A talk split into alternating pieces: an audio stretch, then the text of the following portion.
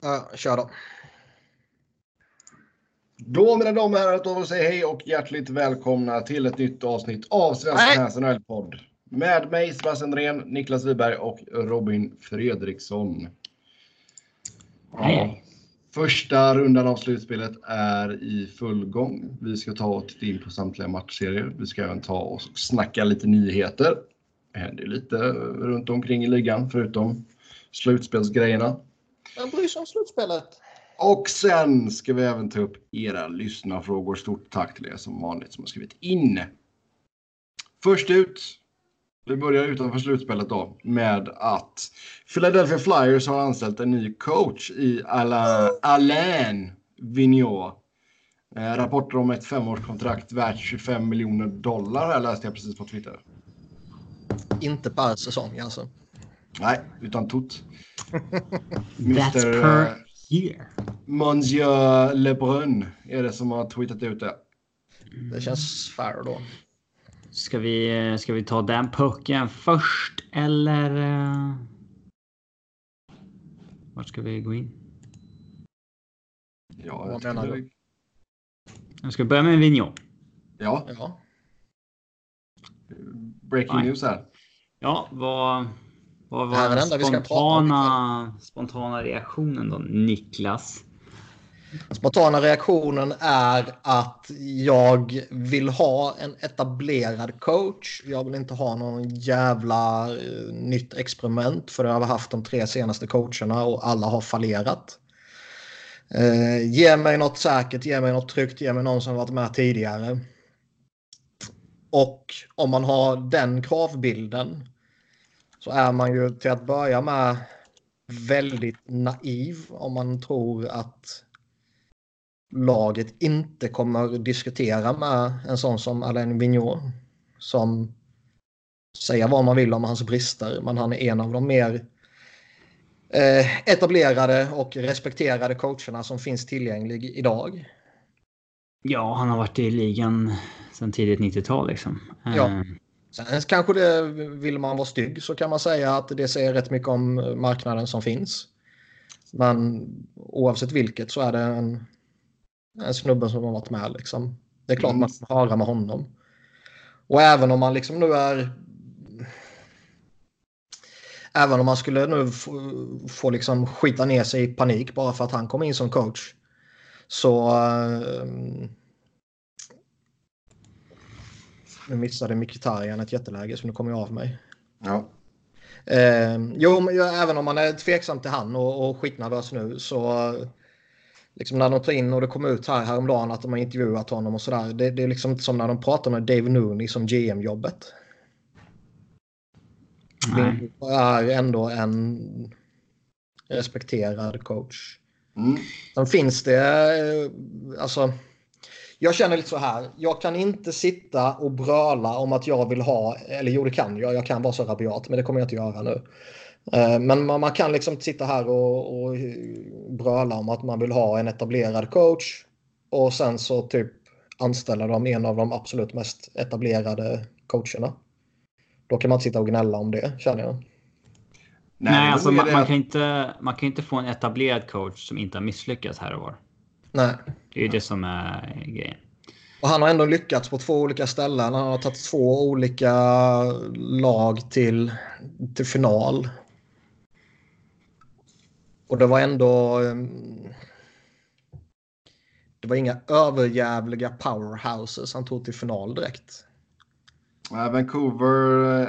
Eh, Vancouver 10-11. hade, ja, de hade Bobby Lou i kassen som var duktig då. Sen hade de eh, Ryan Kessler och uh, tvillingarna Sedin. Och ska man hårdra det så var that's it. Eh, Rangers hade Henke Lundqvist och eh, Ryan McDonough och några duktiga forwards typ. Mm, det var ju säsongen 13-14 när de förlorade mot LA. Ja. Ja. Eh, fan vad mycket gitarren är dålig idag. Ja, tråkigt. Mm. Eh, Men, men liksom. Jag, jag, eh, förmodligen så kommer det bli som Robin alltid säger åt mig att jag kommer hota, äh, hata vilken coach som helst efter äh, en Hota, det har varit kul. jag sa till Sebbe innan, han förväntar sig att jag ska titta på Arsenal, hålla koll på Twitter och prata i en podcast samtidigt. Ja. Uh, men du kan släppa Twitter då så får jag hålla ett öga på Twitter istället. Nej, det kommer jag inte göra för då måste jag följa allt som sägs om Vigneault. Okay. Uh, saker kommer fallera idag. Men jag kollar på highlights på Uniteds U23-lag. Men jag, jag, känner mig ändå... Uh, jag har inget emot att de tog in Vigneault. Det ska dock sägas med en uh, asterix som man sen får kika vad det betyder. Och det är ju att jag vill och jag tror att det behövs en justerad roster. Mm. Mignot tror jag är en duktig coach för ett lag som är redo att utmana. Jag är lite skeptisk till att ta in han i ett lag um, som ännu inte är redo att utmana så att säga. Utan saker behöver nog hända med rosten. Vilket ju Fletcher redan har hintat om att man i alla fall kommer försöka. Sen kan man inte, man kanske inte lyckas med allt man försöker sig till. Men ta in en, en, en ny center för andra kedjan eller tredje kedjan eller sådär. Som kan vandra upp och ner mellan de två positionerna. Ta in en, en etablerad back och spela jämte Provorov typ. Eh, kanske en ny winger. Då borde man vara avsevärt mycket längre fram än vad man var denna säsongen. Och då kanske man till och med är redo att utmana. Och med det sagt så kan man ju definiera utmana som massa olika saker. Jag menar inte att Flyers på en sommar ska gå till en supercontender utan typ utmana att ta sig en bit in i slutspelet i ett första skede. Ja. Så jag, jag, tror, jag tror man kanske behöver uh, snurra om lite i truppen. Men man alltså... tror jag mycket väl att Vigneault kan vara en bra coach. Uh, han har fått resultat över tid i två olika organisationer. Uh, men, men, är det så mycket unga spelare i Philly som inte är liksom där än? För jag förutsätter att frågetecknet ligger väl liksom jag menar laget ska... i helhet. Jag menar laget i helhet. Om man liksom... Ja. Det är inte så mycket som ska liksom måste ha förtroende även om det är typ bara Nolan Patrick liksom. Uh, resten är ju. Jag menar Pro, Pro är 22 och Ghost 25 och så vidare. Det finns inte så mycket mer det. Det handlar väl mer om sådana små grejer. Liksom kommer man prioritera Robert Hägg över Phil Myers? Uh, och så vidare. Hägg är inget speciellt heller. Nej, men vi har haft tidigare coacher som har uh, prioriterat honom. Han spelade samtliga 82 matcher denna säsongen.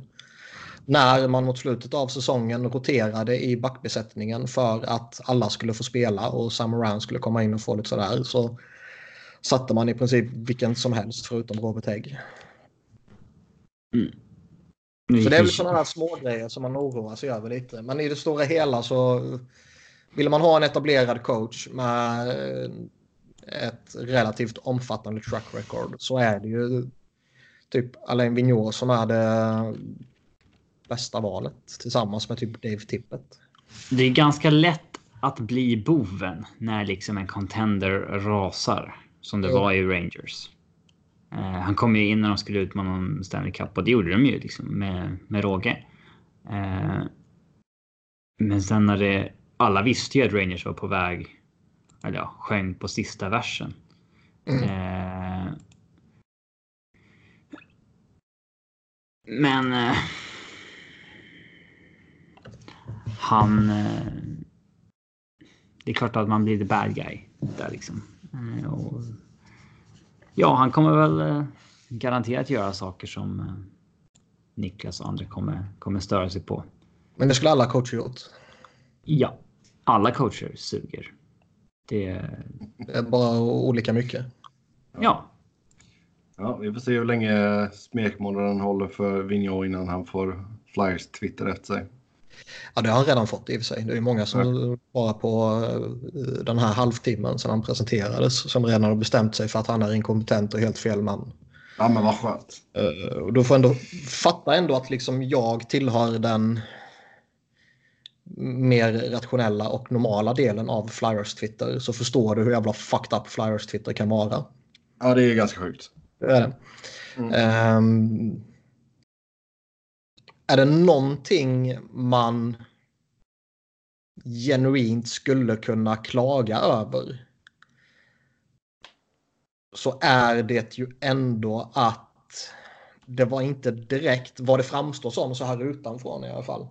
Någon jätteomfattande mm, coachjakt uh, så att säga. Utan det känns som att man kollar med några gubbar och sen plockade man den man tyckte var bäst. Och det alltså. Å ena sidan så vill man givetvis att man kollar så mycket alternativ som möjligt för att verkligen få det bästa alternativet. Å andra sidan så känner jag att det är viktigt att få det här på plats tidigt. Mm. Jag, jag, skulle inte vilja hamna i ett läge där man liksom avvaktar för att se vad som eventuellt händer i ett slutspel. Alltså kommer han eller han få kicken eh, och sen försvinner eh, ena alternativet efter det andra av de som är tillgängliga idag. McLellan väljer Sabres, Vigneault, eller även McLellan väljer LA till exempel. Vigneault hamnar i Sabres och Tippet bestämmer sig för att stanna i Seattle och bla bla bla. Sen helt plötsligt eh, den enda som är kvar är typ Randy Carlisle. Och så är det ingen av coacherna i slutspelet som får kicken heller och så står man där och vet inte riktigt vad man ska göra.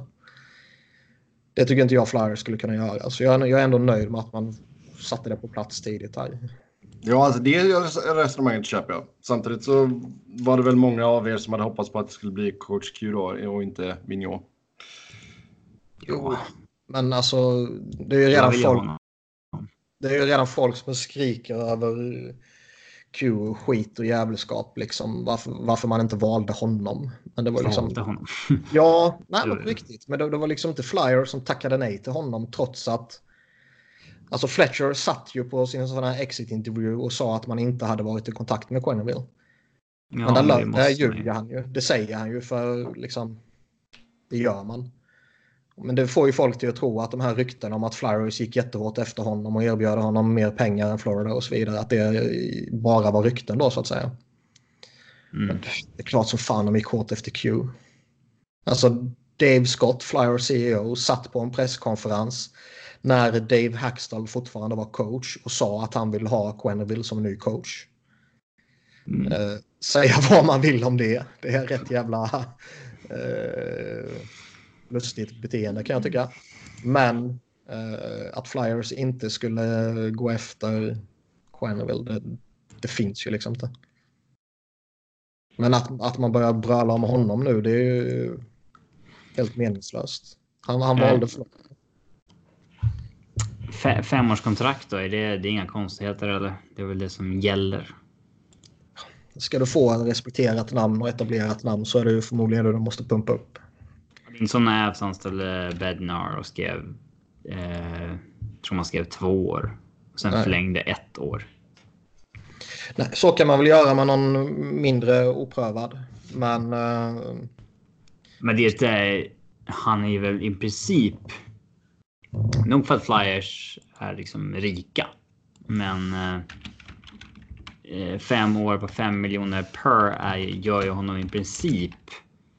Eh, vad säger man? Liksom, man, har ju nog, man har nog committat på honom att nu, nu blir det några år. Det är han är väl helt skyddad första två åren åtminstone. Liksom. Ja, det tror jag. Att han har så långt kontrakt. Även om han kommer eh, sist nästa år. Det är ju möjligt mot, mot slutet av kontraktet med ett och ett halvt år kvar eller sånt där att man kan ta den smällen. Men... Eh, att om man är i en situation där man vill gå på ett nytt projekt då. Liksom. Ja. Eh, det vet man inte hur det är om några år. Ja.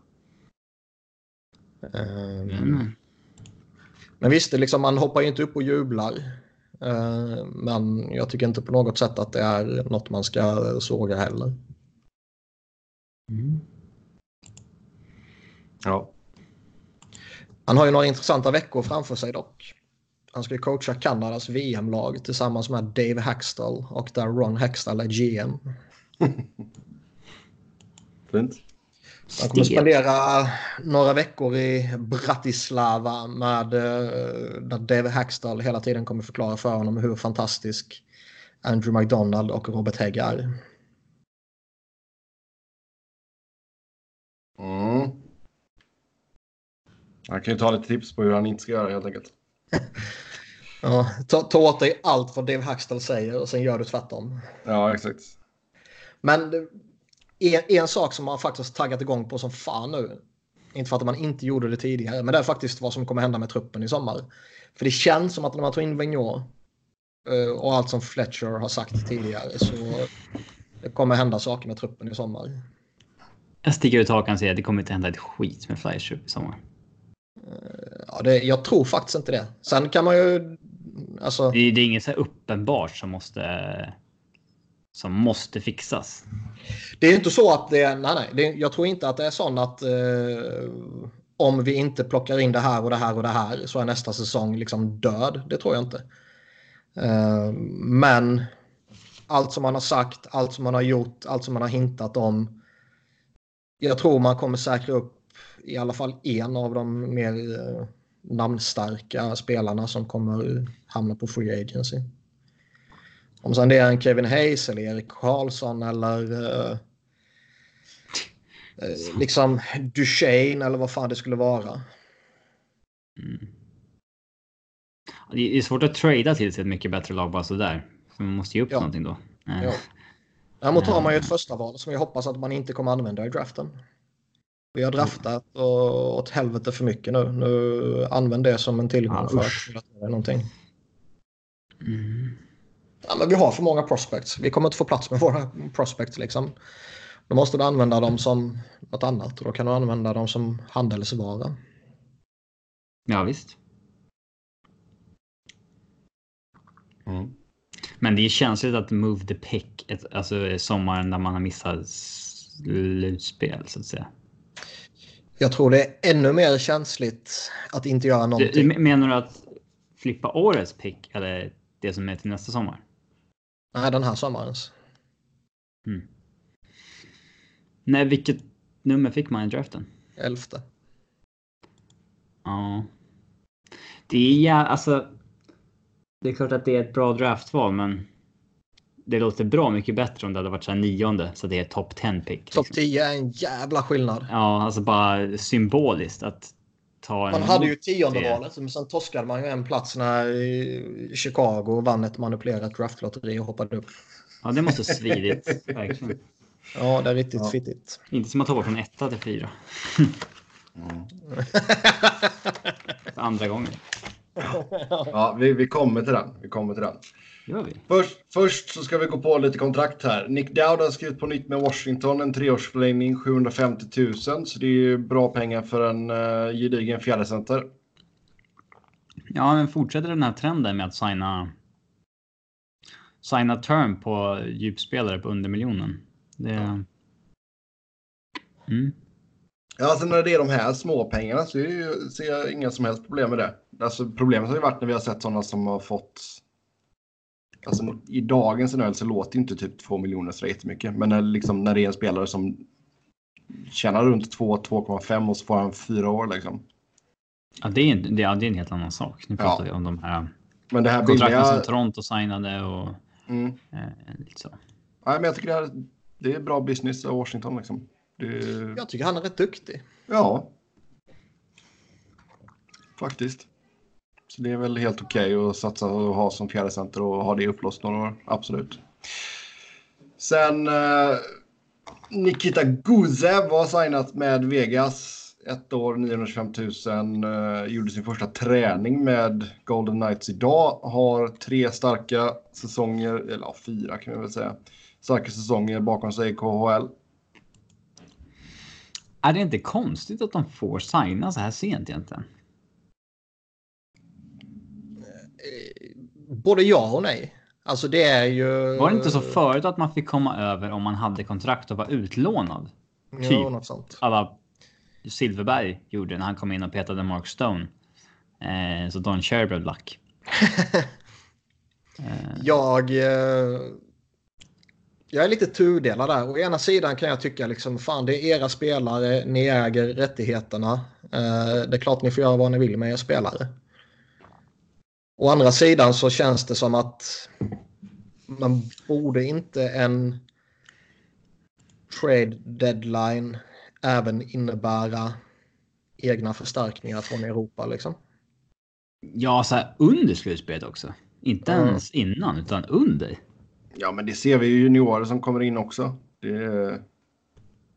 Eller college-spelare för den delen också som kommer in sent. Det är en Eller... helt annan sak. Helt Nej, det är inte. Nej, det är exakt samma. Jag gillar det. Jag har inga problem med detta. Nej, det, Som det är inte, Niklas, okej, det- Niklas första det är inte punkten, en helt annan sak, Liksom. det är fortfarande en annan sak tycker jag. När, att värva från proffsligor i Europa efter, alltså, i april. Alltså det blir liksom en, en andra rentalmarknad liksom. Ehm, Jo, men det är ju kul när det är spelare av den här kalibern. ja, det är klart. Men det, Här har man ju en potentiell joker i slutspelet. ja, absolut. Men man kan ju Eller en ny Chipachov. Märkligt att Jag hoppas inte att det blir en ny Chipachov alltså. Man kan tycka att det är aningen märkligt att komma in liksom, mitt i slutspelet sådär. Eh, från Europa. Det är det, men samtidigt finns möjligheten så ska man ju utnyttja den. Ja, det är inte så att McPhee är fel. Nej. Ehm, 17 mål och 65 assist blev det på 62 grundseriematcher för SKA Sankt Petersburg och sen 9 mål och 10 assist på 18 matcher i slutspelet. Det ska ju bli genuint superspännande att följa honom. Uh, han har varit jättebra i KHL de senaste åren. Han har varit jättebra i det ryska landslaget, både i OS och VM och sånt här. Liksom. Uh, sneaky bad deal av Tampa när de skickar han. I samband med uh, expansionsdraften. Mm. Ehm, jag skulle bli jätteförvånad om det blir liksom ett misslyckande. Uh, å andra sidan så trodde jag ju inte att Chipachov skulle bli ett misslyckande heller. Nej. Det är ju lite, alltså. Men där Jag, tycker jag, jag, jag, att, tror, jag tror att Gusev, han är, han är en annan spelare. Han är lite eh, yngre, han är annan. eh, Det känns som att de kanske har mer. Alltså han är ändå lite mer hypad. Han är lite mer. Uh, the, the shiny new toy liksom. Eh, men man är ändå lite. Vi är ung också. Ja. Han är, man är ändå lite mer eh, reserverad eh, när de, de skickliga KHL-spelarna ansluter. Man, jo. jo, men sen alltså hela Chipachov-grejen. Man var ju en sån jävla dålig sits där med truppen också. För det var ju typ han och jag menar, Shea Theodore var fortfarande waiver exempt också då liksom. Det var ju. Ja. Så det var ju bara en dålig sits där och det var ju dåligt skött av McPhee. Ehm, jag tycker inte Chipachov fick ju inte en ordentlig chans helt enkelt. Gusev, det är en annan situation nu. Laget är en helt annan sits också. Så det är, jag har svårt att se att det skulle bli total fiasko av detta. Alltså. Det, är- men det ska bli kul att se. Alltså, sen kan jag behöva en inkörningsperiod här också. Det är inte... nej, men liksom man skulle inte de har bli inget att förlora på det. Alltså, de kan ju bänka honom efter tre matcher om det är så att han inte är i form eller inte liksom. Det är bara att göra det. Det, spelar ingen roll. Samtidigt så skulle man ju inte bli förvånad om de liksom, nej men nu har vi fått något bra på gång här. Vi väntar med att sätta in han till någon blir skadad. Eller till vi förlorar typ. Ja. För han kommer ju, han kommer ju, ja, han kommer ju inte gå in i deras topp 6.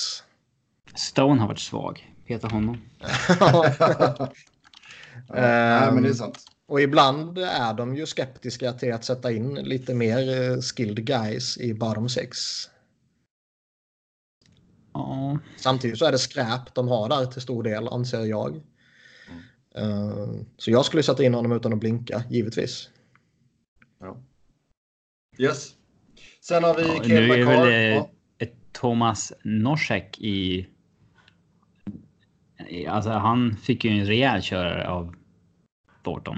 Eh, så Jo, den det kanske platsen är ju öppen automatik. Liksom. Ja. nu. Eh, Jag vet inte om han är helt konkursad eller inte, men eh, den. Jag, vet, jag har inte läst något. Det var en rejäl smäll. ja. Mm. Vi kommer till den också snart. Uh, Cale McCarr, där har vi en kille som kommer kliva rätt in i alla fall. Uh, skrev på ett treårskontrakt med Colorado, 925 000 entry level. Uh, två år blev det på UMass Amherst i college-ligan. Han är kass. Mm. Han, han, gjorde bara 49 poäng på 40, 41 matcher den här säsongen. Det är svårt att utvärdera college-spelare sådär. Ja. Men uh, hypen kring honom uh, verkar ju vara Väldigt. rejäl liksom. Uh, det var ju när jag draftade honom första gången man föll från 1 till 4. 2017 års draft. Då då, snack, då, då, var det lite av ett reach det snackades om när de tog honom som fyra. Eh, mm. Framför bland annat då Elias eh, Pettersson. Men de som gick innan Nico Hischier och Nolan Patrick är väl åtminstone namn som jag idag inte skulle ta före Cale McCarr innan jag ens sett Cale McCarr spela bara baserat på liksom hypen kring de prospectserna idag. Eh, men det var ju då pratades det om honom som en rejäl chansning. Liksom. Um, Fast han spelade inte han i någon konstig jävla liga då? Ja, han hade gjort... Uh, AJHL var det ja. exakt. Brooks Bandits. Skönt namn. Ja. En riktig... Han hade ju, det var en sån som, som steg under det året något rejält på rankingarna. Mm. Uh, han... Uh, men det, han, han fick ju för fan en förfrågan om att spela OS förra året och sådär. Mm. Nobbade liksom. Uh, det... Det är fan lite... Det måste man credda honom för. Ja, det, alltså det, det tyder på att det är många som ser någonting rejält i honom. Uh. Ja, jag skrattar inte åt dig utan jag skrattar åt uh, Arsenal. Mm. Uh, Jag Men, säga ja. grattis på födelsedagen till Jakovalchuk också.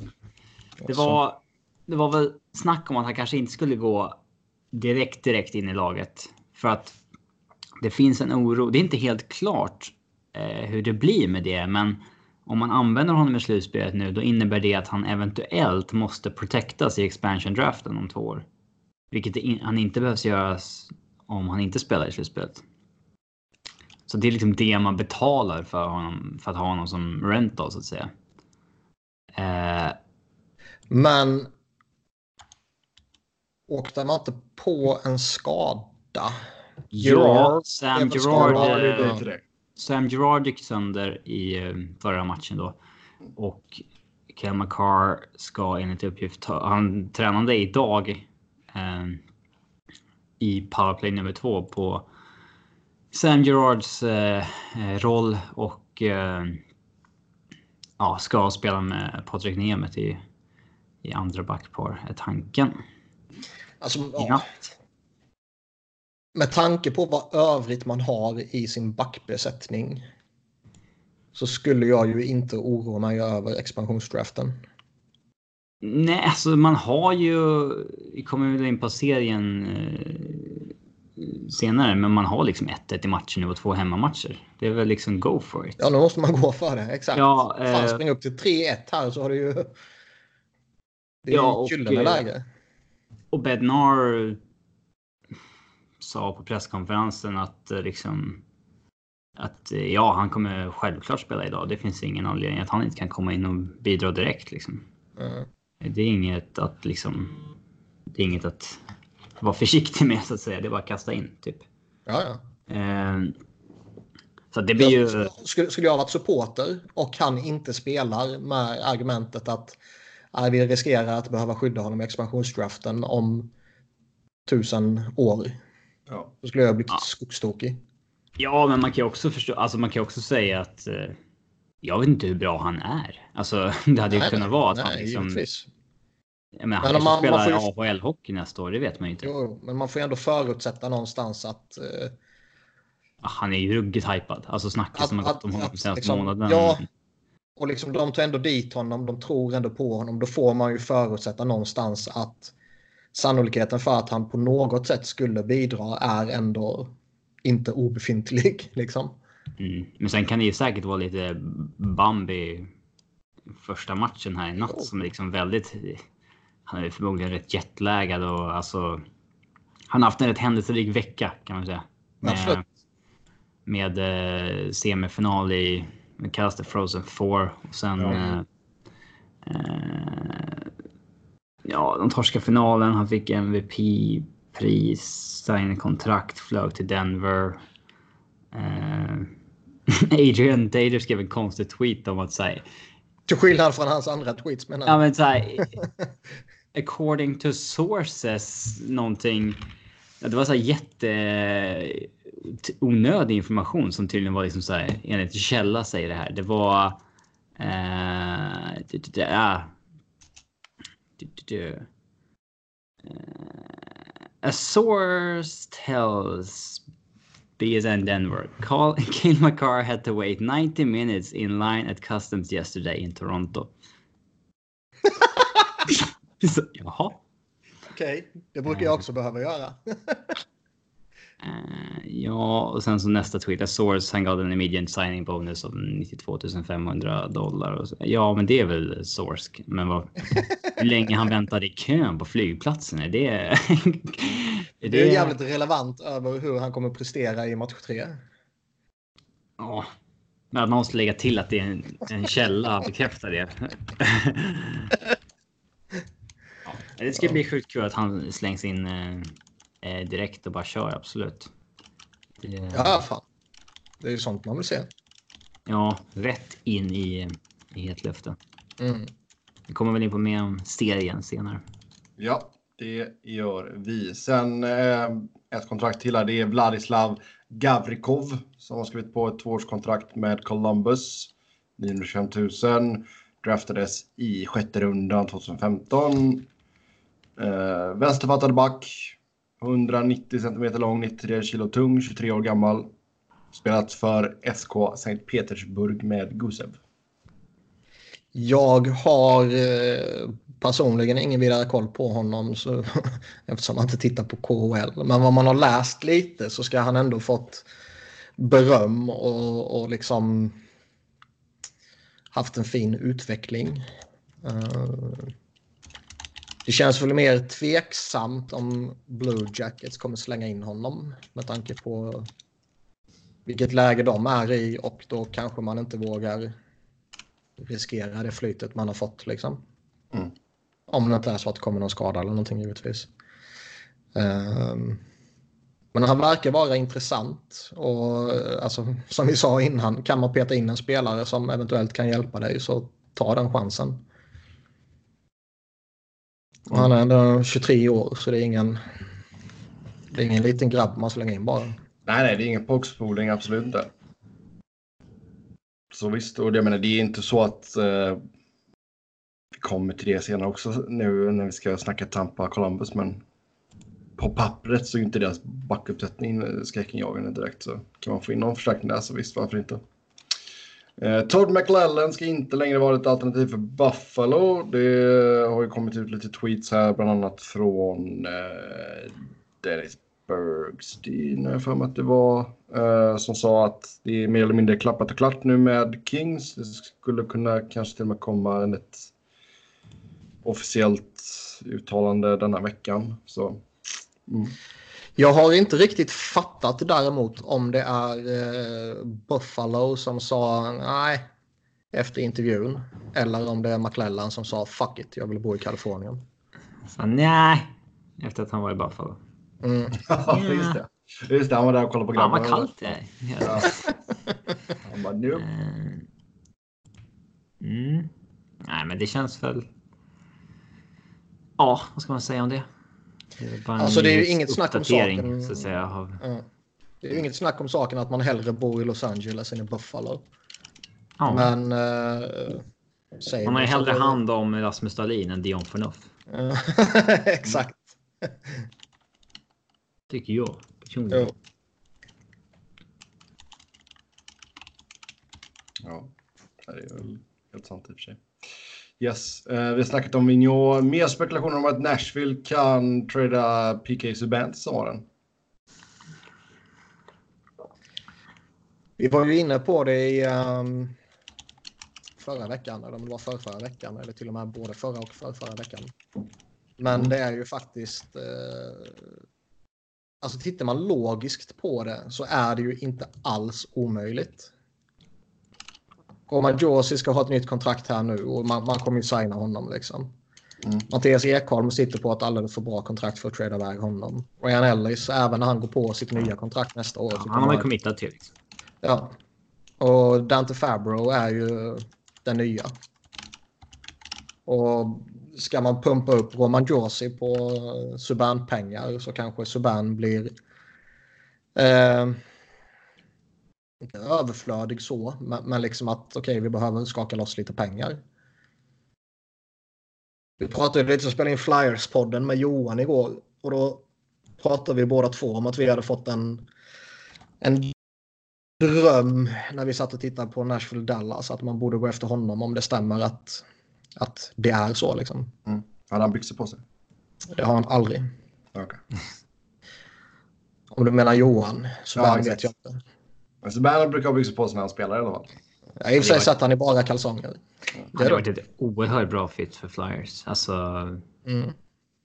ta en etta på högersidan som kan ta de minuterna. Det är, Sen är det ju liksom vad... Ghost on first. Räcker det liksom?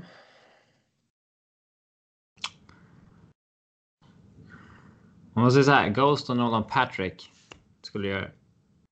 Mm. Fast då är man lite...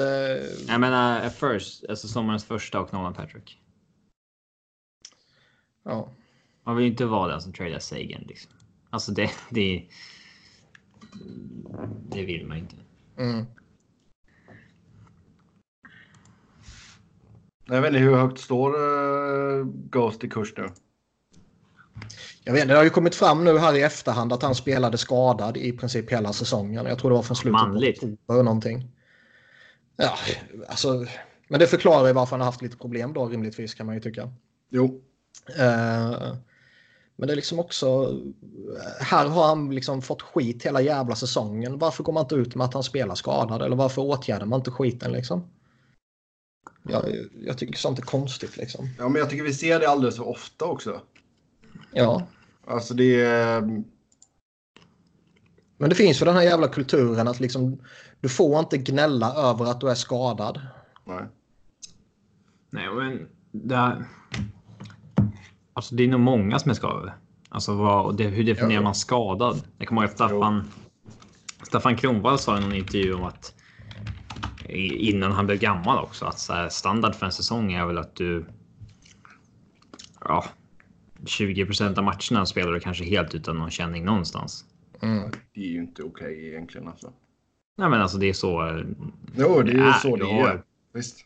spela match var tredje dag liksom i en otroligt fysisk sport där det tillåts väldigt mycket liksom. Eh, och det är så det är. Jo, alltså det har vi ju sett gång efter gång. Alltså, som vi säger också att spelare spelar igenom grejer. De säger inte någonting, laget säger inte någonting. Men det kan väl också vara för att ja, säga att spelare X Nej, man vill ju inte har- säga att jag, jag har problem med högeraxeln. Exakt. Vad, vad kom, alltså, spelar jag mot han kommer jag ju bara gå för högeraxeln. Exakt. Så visst, alltså. Men ändå, det är sjukt ändå. Jo, jo men så här, alltså det blir frustrerande också. Alltså, och det lär ju säkert vara frus- frustrerande för honom också. Att han vet att oh, fan, jag kan inte spela fullt ut. Jag spelar på 70-75 procent liksom, på grund av den här skalan. Ja. Och så bara ser man all dynga som han får. Liksom. Mm. Så det är... Mm, men, men. Det är, tyvärr så är det ju så. Jag tror det var Corey Hirsch Mm. eh, som sa att han är 100% övertygad om att P.K. Subban kommer att bli bortbytt i sommar. Okej. Eh, 100 procent. Ja. Och han är ju en sån där snubbe som liksom. Han skulle mycket väl kunna ha lite connections. Ja, och också vara en snubbe och- som är lite halvkorkad överanvänder uttrycket 100 procent och så vidare. Ja, ja, ja. Det, Eh, men han är, han är ju liksom. Han tar ju gärna lite hot takes. Mm. Har man ju noterat. Så frågan är om det här bara är att han liksom svingar hej vilt eller om han har hört något från någon någonstans. Eh, Men det, ja, det vore intressant om PK Subban kommer på marknaden. Personligen kan jag ju tycka att 30 lag, eller i alla fall 29, man kanske kan exkludera Montreal, borde vara Mm. intresserade av honom. Eh, Ja, det vet fan. Alltså det är, det är ganska många det uteslutet. Jag menar, inte att all, jag menar inte att 29 lag ska trada för honom, försöka trada för honom. Men man borde ju kolla. Du kan, du kan ringa och fråga efter priset. Ja, Ja, men det är ganska många lag du kan dra bort också som inte har råd att lägga 9 Jo, miljoner jo, till det är på en klart. back. fair Alltså, enough. Men det där är liksom eh, det är ett uttryck man gör också att alla Ja. lag är intresserade. ja, man hittar på helt enkelt. Det är inte sant. Ja, man ringer och bara hej, can I get, can I get a price check on a uh, PK Subban please? Man Slut. Mycket eh, frustrerande match det här, men tre poäng borta mot Watford. Ja. Watford, tack för ingenting. Tack för ingenting Watford. Tack. Men men, nu skiter vi i Premier League. Draftlotteriet. New Jersey Devils fick första valet. Tvåa Alltså det, det är ju lite så här. För, för att Ja. ett manipulerat draftlotteri inte ska bli för uppenbart för att de liksom fuskar upp Rangers och Chicago, två jättestora organisationer som behöver en, en kick i arslet liksom. Så fuskar de upp New Jersey också. Ja, Uh, Okej, så vi har så lagt här upp nu. hela lotteriet på video med representant från alla lag på plats. Så att jag tror inte att det är... Men det är ju ingen som ser Okej. lotteriet. Alla Men- ser ju bara när de Men det kommer är med inte de riggat. Snälla. Nej, sluta nu. Niklas. Det är klart Nej. det är. Det är så Det- uppenbart. Devils vann lotteriet, Rangers får andra valet, Blackhawks får tredje valet. Ja, det är Colorado kul ner till fjärde. Och Kings fick femte. All- alla våra, alla våra klubbar blev ju liksom... Eh, alla våra klubbar fick ju eh, the short end of the stick så att säga. Ja, Men eh, man ska ju ändå säga att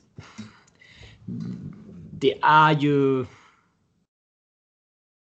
En del av en ty- tycker att det är najsare när ett lag som inte kom dygn sist får liksom första valet. ja. Jag gillar ju att de har jämnat ut oddsen. Att man inte är garanterad topp två för att man är laget som kommer sist så att säga. Jag håller med. Ja, det hade gett Avs. Alltså jag är ju, på, ett sätt, på ett sätt så är jag ju glad att eh, liksom inget lag i Pacific kom före Kings i alla fall. Det, det är typ den enda trösten jag kan ta med mig. För Flyers har ju de här dagarna varit sämsta möjliga jävla skit. Man torskar Quenneville till fucking jävla Florida. Eh, och det ger ju rätt tydliga indikationer får man ändå förutsätta att de kommer ha goda möjligheter att få typ Panarin och Bob liksom och rimligtvis förbättra sig. Ett av lagen som Flyers slåss med. Rangers rebuild tar ju i princip slut i och med det här lotteriet. Ja, sen har de signat. Det kom väl uppgifter om att de skulle signa Kraftsov och Jo, Sjustjärkin eller fan Men liksom, nu, det här var ju liksom det sista pusselbiten de behövde för att Ja, ja, visst. nu, nu, nu går vi för det igen. Liksom. Jo, De det är in- väl klockrent att de får in Capo eller Hughes liksom. Ja. Och, och Rangers gynnas av det och sen jävla Devils får ett nytt uh, uh, toppval efter att ha vunnit lotteriet och eh, ja, en ny uppenbar konkurrent liksom. Så det var några tunga dagar där. Mm. Jag tror vi fick Vigneault som tröst. Ja. Nej, men annars, det, Ja. ja. ja. Colorado som sagt fyra då, man hade ju Ottawas val där. Ehm, Så det måste väl kännas lite surt ändå, Robin. Ja, men samtidigt så visste man det var ju 50% chans. Att du inte skulle, ja jo, det är sant. Eller 50% risk liksom. Mm. Eh, men det, kan- det är inte alls samma. När det inte är ens eget val. Då är det ju. Är det inte En lika annan grej. Ja, inte som när man kom dyng dyng sist och hoppade ner till fyra för att det var liksom typ första året de hade jämnat ut oddsen. Eh, den, den sög ju liksom. Eh, Men det hade men ja, där, där fick man ju Kel McCarr liksom. Så det, det behöver vi. Visst, Hughes och Kako är ju liksom. Eh, etta, tvåa idag, men. Steel of the draft kanske blir nummer fyra, det vet man ju inte. Men det är liksom lite att i, i dagsläget så är det ju fruktansvärt surt att tappa topp 2-val. Oavsett vem av de två man får idag är ju jättebra. Mm. Om fem år kanske det visar sig att eh, Podkolzin som förväntas gå strax utanför eller strax bakom dem, liksom 3, 4, 5 där omkring kanske. Det är kanske han som blir den bästa spelaren. Ehm, jag menar när, när och Patrick gick så var det ju en överväldigande majoritet som var helt uh, övertygade att det var de två som är de enda topp två alternativen. Men facit i hand så... Eller facit i hand är ju tidigt att säga med tanke på att de bara är typ... Vad är de? 21 år. Ja, men hade vi rerötat idag hade de ju inte varit topp 5 typ. Nej, de skulle i alla fall inte varit... Eh, alltså både Pettersson och... Eh, Trion bakom hade ju gått före. Ja. Heiskanen, Pettersson och förmodligen McCarr. Ja. Eh, så jag menar... Vem vet hur det ser ut? Mm. Det är ju fortfarande en chansning. Det, det är ju det är inte alla som är garanterat. Ja, eh, det var väl lite konstigt också. Det var väl från, eh, jag såg någon screenshot från Viasats sändning av draftlotteriet. Där draft, liksom, där man kunde se att, vilka, att Devils hade, om det var Devils som hade vunnit.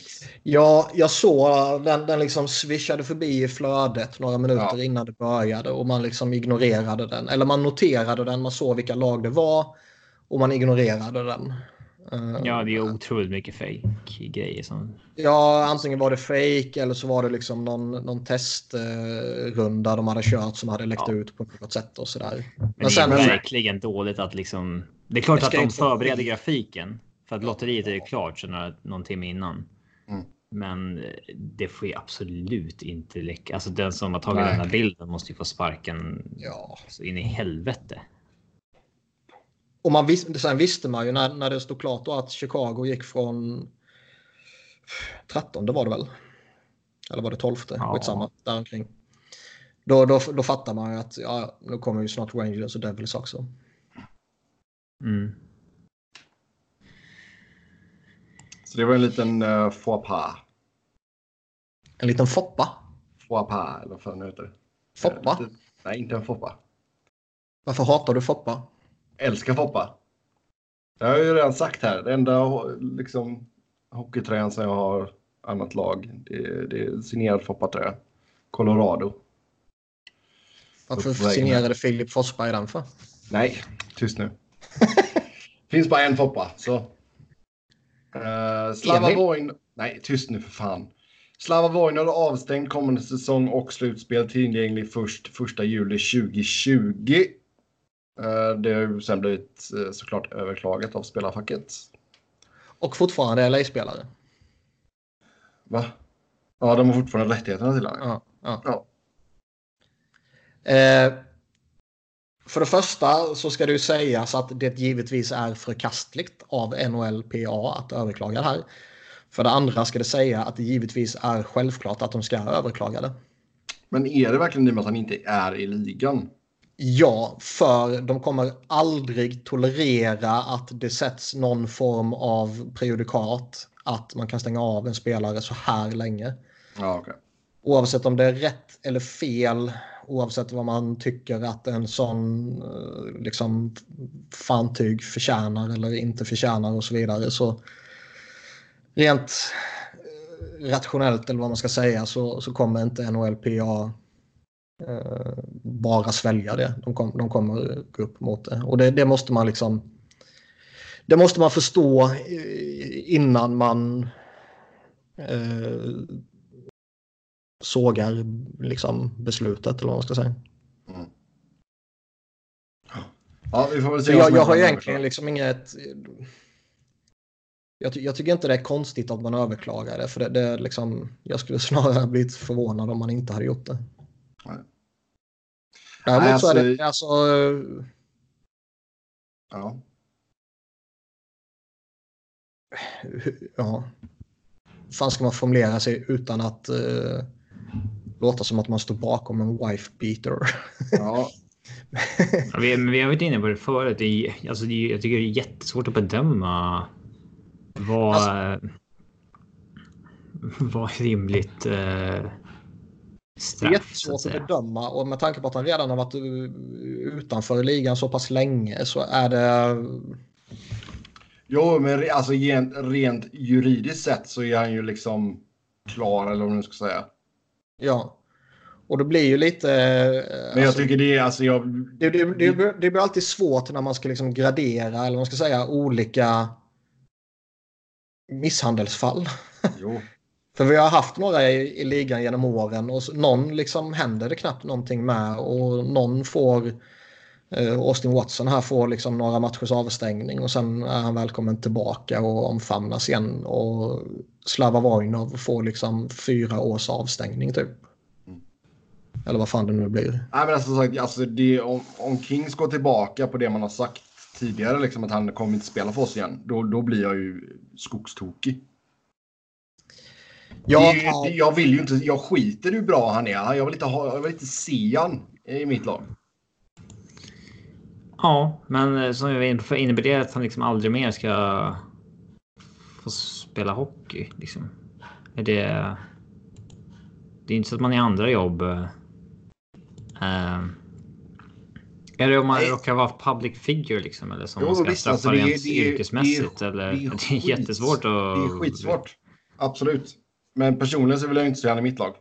Nej, det säger, det säger alla. Liksom.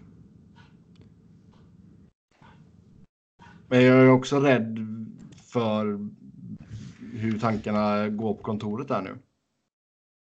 Det, ja, säg, så, ja, säg, det jag ja, ser ju fan inte bra ut. Exakt. ja, men liksom, säg, säg, att de, den här överklagan liksom går igenom att man, nej, nej, men fan, han har, han har avtjänat sitt straff. Han får spela kommande säsong. Ja, alltså jag tycker faktiskt alltså ligan. Eh, alltså om ligan vill säga men kör om ni vill. Det är fan upp till lagen själva att ta ett ställningstagande i så fall. Liksom att säga nej, vi vill inte ha honom. Jo, men jag är rädd med tanke på hur dåligt jag, det har gått förstår, ex, ja, jag förstår exakt hur ditt huvud funkar. För ja. min hjärna är så jävla fucked up. För att de senaste dagarna du ska bara fatta vilken jävla sten det är som faller från mitt hjärta nu när Vigneault är bekräftad som coach. De senaste dagarna har jag varit helt övertygad om att Robert Hägg spelar VM enbart för att Rickard Grönborg vet att han ska coacha honom nästa år. Och därför skulle det vara lite awkward att inte ta ut honom. Så har min hjärna funkat de senaste dagarna. För det finns inte en enda människa som kan sitta och titta på Flyers och Hägg den här säsongen och konstatera att Robert Hägg vill jag ha i mitt VM-lag. Om det inte finns någon jättekonstig bakomliggande anledning. Mm. Så funkar min hjärna. Men vad blir han sjätte back? Ja, men ändå. Han kan fan ställa till problem där på stor is också dessutom. Det, ja, nej, det är konstigt. Uh, så jag förstår hur en, en hjärna kan kan krascha och vara ur funktion samtidigt som den fungerar. Yes. Uh, sista punkten här innan vi glider in på slutspelet. Uh, rykten om att Ryan Kessler kan sluta. Alltså snackar vi sluta eller snackar vi inom situationstecken sluta? Situationstecken måste det vara i så fall. Annars är de bara dumma. Eller? Uh, ja. Annars får inte han ut några pengar och eh, Dags står med hans cap hit. Okay. Everybody ja, då, loses. Då gäller det bara att han inte klarar läkarundersökningen varje sommar då. Ja, och den kroppen har garanterat någon skada som du kan liksom hävda att det här gör att han inte kan spela hockey till 100 procent. Så att Milan Lucic på något lustigt sätt har blivit skadad och går omkring i gipsad nu? Mm, det skulle tydligen bara vara i två veckor. Det var annars jo, nice jo, att skjuta men, in men att det... han spelat skada hela säsongen för att komma... för att... Uh... Nej, men det här... Det är alltså... Han förryckte lite. Nej, nej, nej. Det här är ju bara att uh, en fake-skada som man förbereder kunna sätta honom på long term injured reserve i fyra år. ja. Konspirationer. Man har helt glömt att han spelade Kings ett år. Ja, gud vad skönt att man inte signade upp honom. Ja, jävlar. Var det han och Säkra? Ja. Men Säkra, alltså Jag tycker han ändå var en klart kompetent back. Ja, det var han ju. Men Jag det har också han glömt. Skador har brutit sönder honom nu.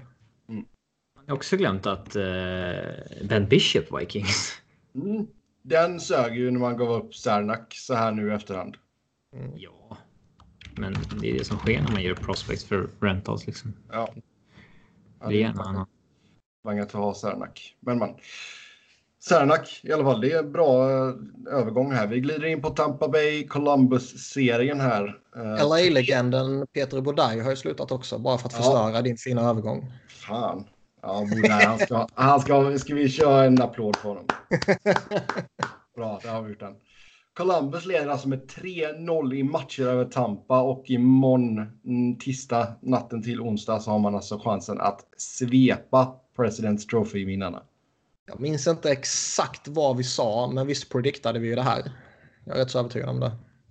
Ja, jag tror att samtliga av oss hade 4-0 i matchen till Columbus. Mm. Det, det tror jag. Ja, vi sa ju alltså, det här, Ja, Nej, det, alltså, det här är ju helt otroligt. Alltså, första perioden, första matchen, Tampa går upp 3-0. Allt ser ut som det ska och sen så bara... Blup.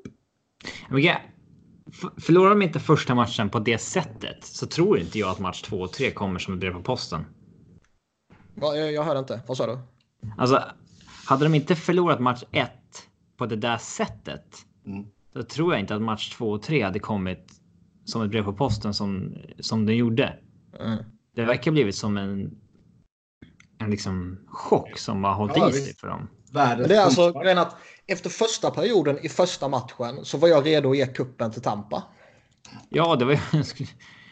Det var helt löjligt. Det var ju liksom... Jag, jag tweetade någonting liksom Tampa in one. Ja, jag höll på att försöka fundera på en tweet om så här. Kan Tampa bli första laget som inte ens behöver fyra matcher för att gå vidare? Eh, Och liksom de såg så överjävliga ut. Bobrovski såg jätteskakig ut. Han var Mm. skitdålig i första perioden. Och efter det har han varit eh, Fenomenal. fenomenal och liksom varit matchseriens bästa spelare. Mm. Eh, Men jag tycker alltså man förväntar sig ändå så en någon form av respons i match två. Nej, då går man och får en till pungspark och förlorar med 5-1. Sen matchen under söndagsnatten här. Visst, den var ju lite jämnare. Jag tycker Tampa pressade på bra, speciellt i tredje. Men det är fortfarande en skugga av det laget vi såg i grundserien. Visst, nu var Kutjerov borta på grund av avstängning och ingen Hedman eller Strålman. Det är klart att det spelar ju in också. Nej, men det är klart att oavsett vilket lag vi snackar om, förutom typ Kanadas eh, OS-lag. A-lag så att säga, ja, Eller kommer ju lida väldigt hårt om du plockar bort den bästa backen. Mm. Den kanske näst bästa backen, eller tredje bästa backen i alla fall, i normala fall. Ja. Och eh, Ligans poängkung. ligans poängkung liksom. Och dessutom nu sista matchen här får ju Killorn kliva av också. Ja. Det är klart att det kommer sätta sina spår. Det är klart att det kommer försämra vilket lag som helst. Eh, Förutom då Kanada som petar in en lika bra spelare igen.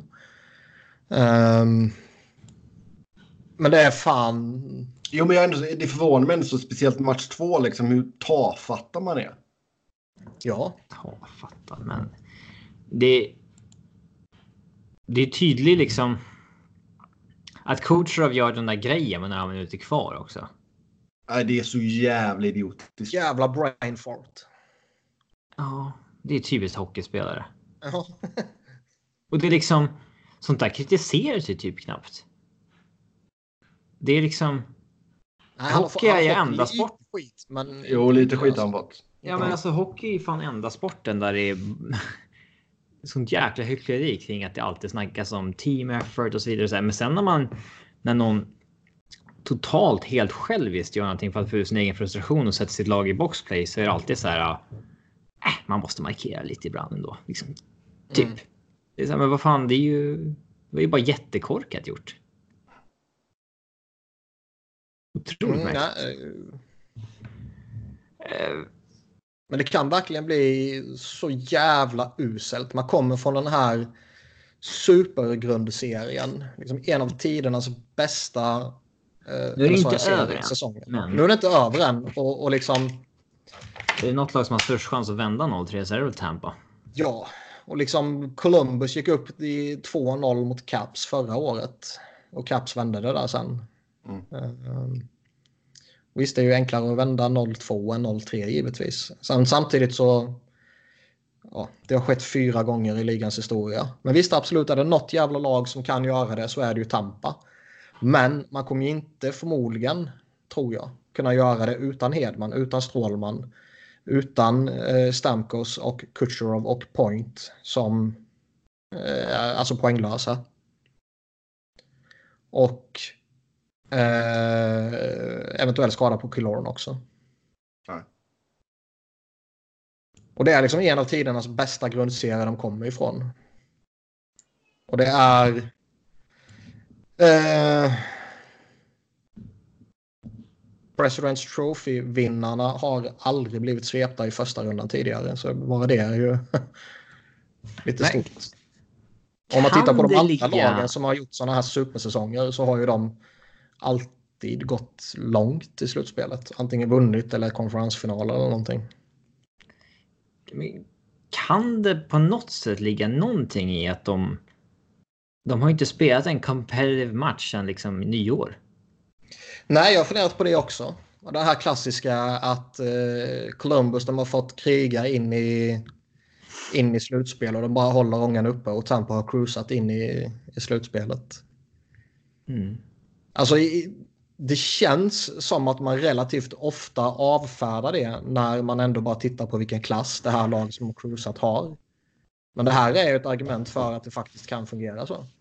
Ja, de var ju så sj- sinnessjukt överlägsna. Mm. Och sen, men jag tror nog mer på det jag sa först, att liksom utgången i den första matchen var så chockerande att det liksom det bara spillde över i match två där det rann iväg snabbt också och sen liksom, ja, vad säger man? Eh, gummiarmar liksom i match tre. När det är så här, shit, vi får inte förlora den här också. Och den hade kunnat gått lite hur som helst.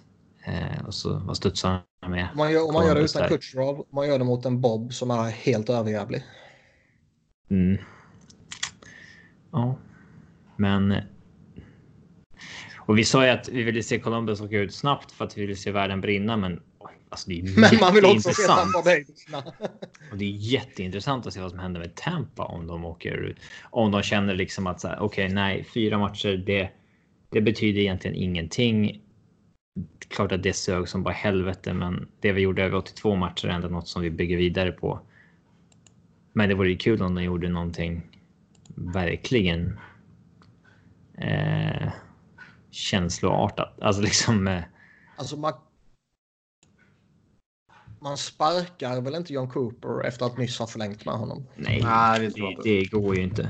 Det kan man ju inte göra. Och vi, vi har ju redan flera gånger om diskuterat hur de kommer lösa sitt, eh, sitt kappproblem till sommaren. Det skulle säkert kunna påverka lite så här beslut kring att. Vi var inne på att de kommer nog försöka behålla Strålman ändå eh, och sen så släpper man lite billigare, lite depth i Girardi och sånt där kanske. Men det kan kanske påverka typ kring Strålman och sådana spelare att man liksom. Nej, vi vill ändå bygga om lite grann. Typ. Eller kommer, man känna ett större behov att signa honom med tanke på Ja. att han har saknats nu? Ja, Det, det kanske kan gå den vägen också. Jag vet inte. Och det kan ju liksom vara att helt plötsligt så känns det kanske inte... eh, Alltså sä- säg att man kände att Andrei Palat eller Tyler Johnson, liksom, de två vill vi absolut inte släppa. Men helt plötsligt kanske, nej men vi offrar någon av dem.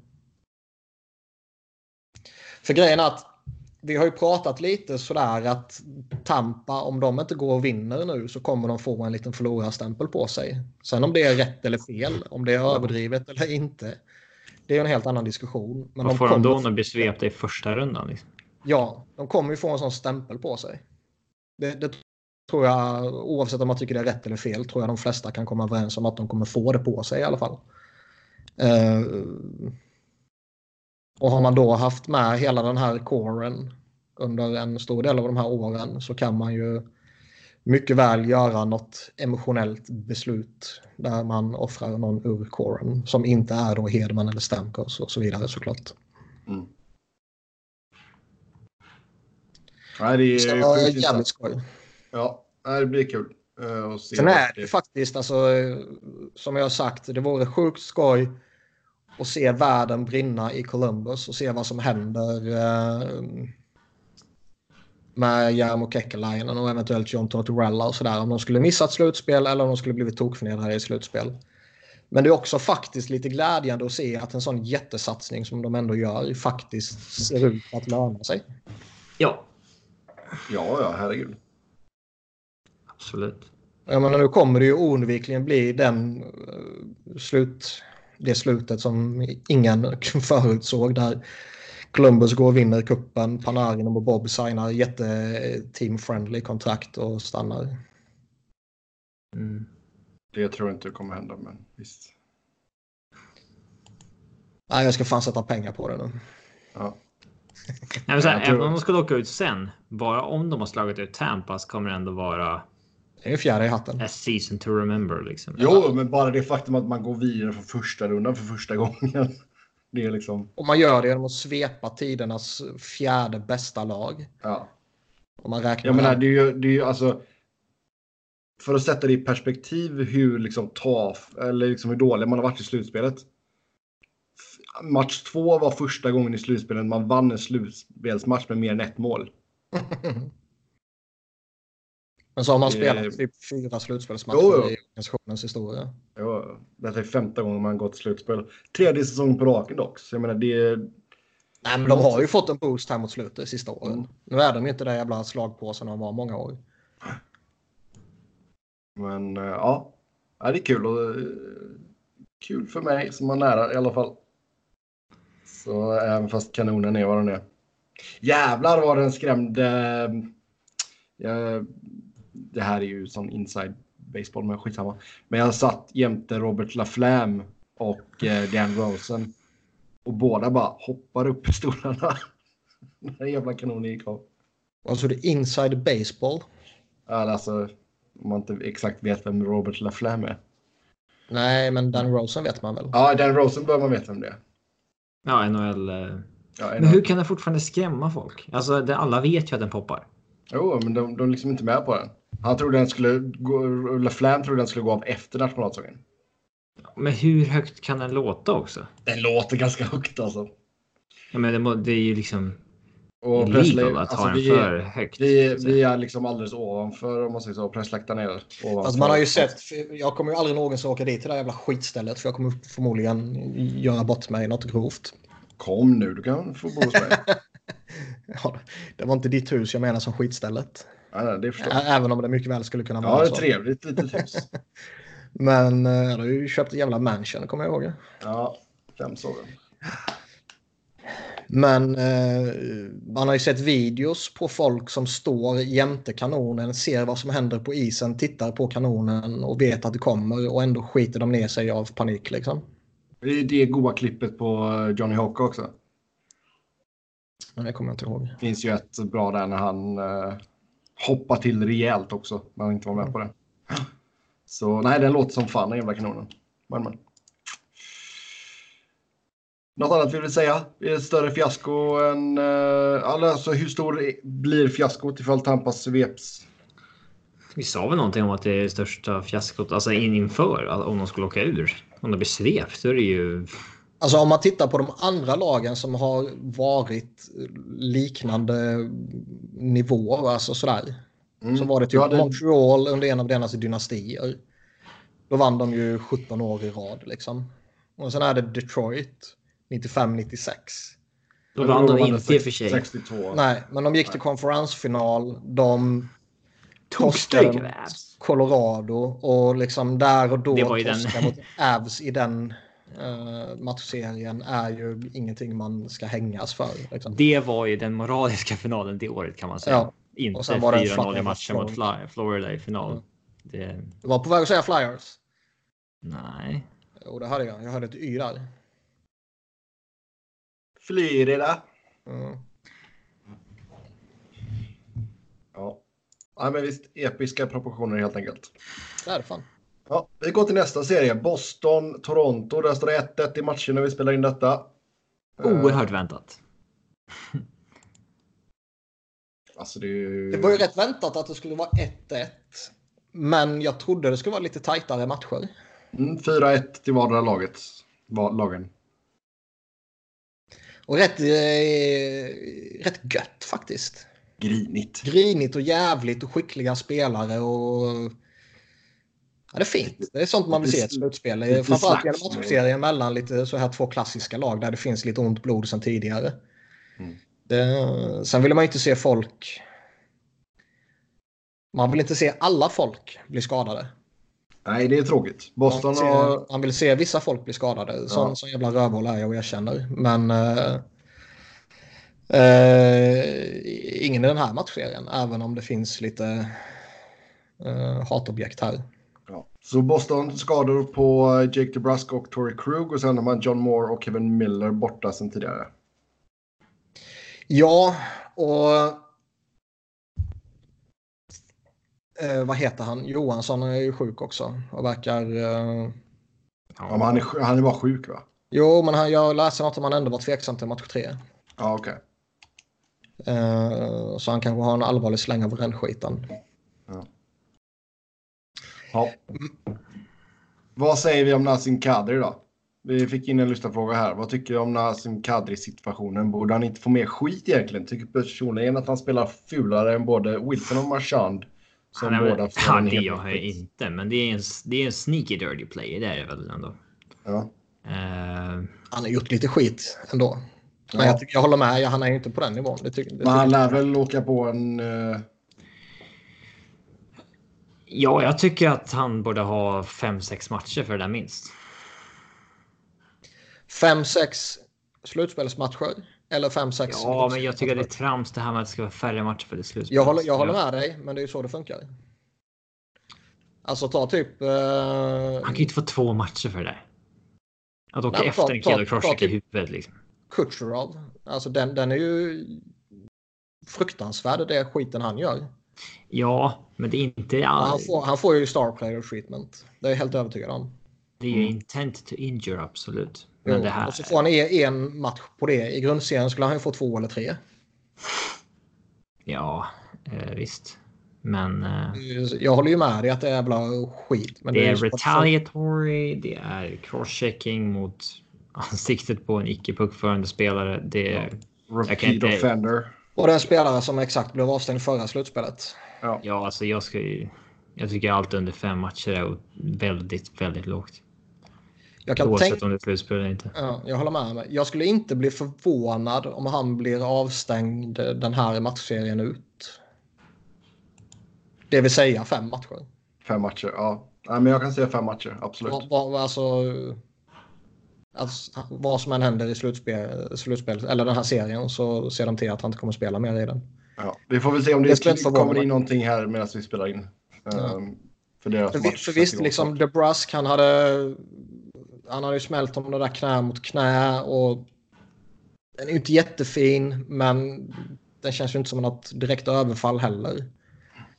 Och sen så smäller ju DeBrusk upp, eh, vad fan var det? Patrick Malheur var det va? Tror jag. Han, han precis innan eh, Kadri går efter honom så trycker han upp honom i, i plexiglaset där jämte båset där det svänger av och böjer av lite. Ja, det är därför han retaliator. Ja, och sen åker eh, Kadri upp och smäller han över käken. Eller halsen eller bröstet, hur man nu väljer att se på situationen. Ja. Um, så ni Sean Avery? ja, vi har fått in en lyssnarfråga här. Tankar om Sean Avery och hans kommentar angående Kadri och DeBrusk. Och så. Han sa... It's playoffs baby. ja, nästan. Han sa väl kort sammanfattat att eh, det enda som är fel är att han inte slog ut hans tänder typ. Ja, Alltså, vad eh, säger jag om det? Det är väl att... Old school mentality, jag vet inte. Mm. Jag... eh, Varför är Sean Avery relevant för? Vet jag. Ja, inte. Väldigt, väldigt bra fråga. Mm. Vi släpper honom helt enkelt. Men eh, det var ju någon som hade grävt upp någon statistik att när, eh, när Toronto saknade Kadri under säsongen så gick de bra. Liksom. Men Ja, det, är klart, det är klart att det här är eh, en förlust för dem. Mm. Nylander skulle gå in som center såg jag och man kan givetvis få sämre centerersättare. Men det är klart det är en förlust att tappa honom. Jo. Helt sant. Ja, Det säger David, vad man vill om honom Ja. men han är fortfarande en duktig spelare. ja. David Backes var petad i första matchen, spelade match två. Tycker ni att han sköter sig i sin nya roll som enforcer? Jag vet inte. Ehm, Jag såg inte match två, inte så mycket att säga. nej, alltså Han känns ganska blasé. ja, lite så. Och nu, nu, nu vet jag faktiskt inte ens varför jag skrev upp hans namn. Jag tycker vi ska påpeka att han tar på sig en egen, liksom tar på sig rollen som enforcer. Liksom helt självmant. Ja, Men han är jävla überkorkat. Ja. Det ju inte så att han gått någon fights varje match sedan dess. Nej, nej, Men, nej. eh, vi kliver vidare till Washington och Carolina. Där leder Washington med 2-0 i matchen när vi spelar in detta. Man vann match 1 4-2 och sen tog man match 2 4-3 i övertid. Det känns ju som att det hela tiden har varit övertag Caps och de har ju haft ledningen länge och sådana här saker liksom. Men det har varit lite tajtare än vad man kanske... Eh, än, vad, än vad det kändes som typ. Fattar ni vad jag menar? Ja. Ja, alltså det... Vad hade du? eh, Empty netter i första matchen liksom och så OT i andra. Så visst. Ja, och Brooks fucking jävla Orpik som avgör. Mm, den var det inte många som hade. Nej.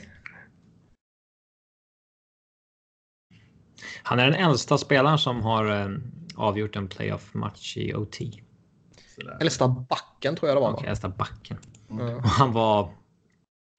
Den första tweeten jag såg efter det, ju nollade i match 1, var ju att eh, Brooks Orpik är den första spelaren på Avs payroll att göra mål i slutspelet. Ja. Colorado Legend Brooks Orpik. Ja. Nej, men det blir intressant här nu. Två matcher i Carolina. Um, jag menar, även om... Alltså, kan Carolina egentligen hoppas på något mer än att hålla det jämnt liksom?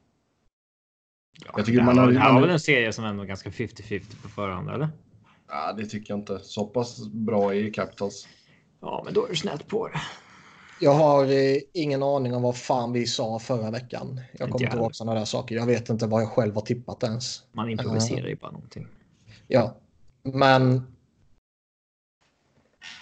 De bor, alltså, det är ju inte på något sätt orimligt att de tar någon hemmamatch här. Nej, nej, absolut inte.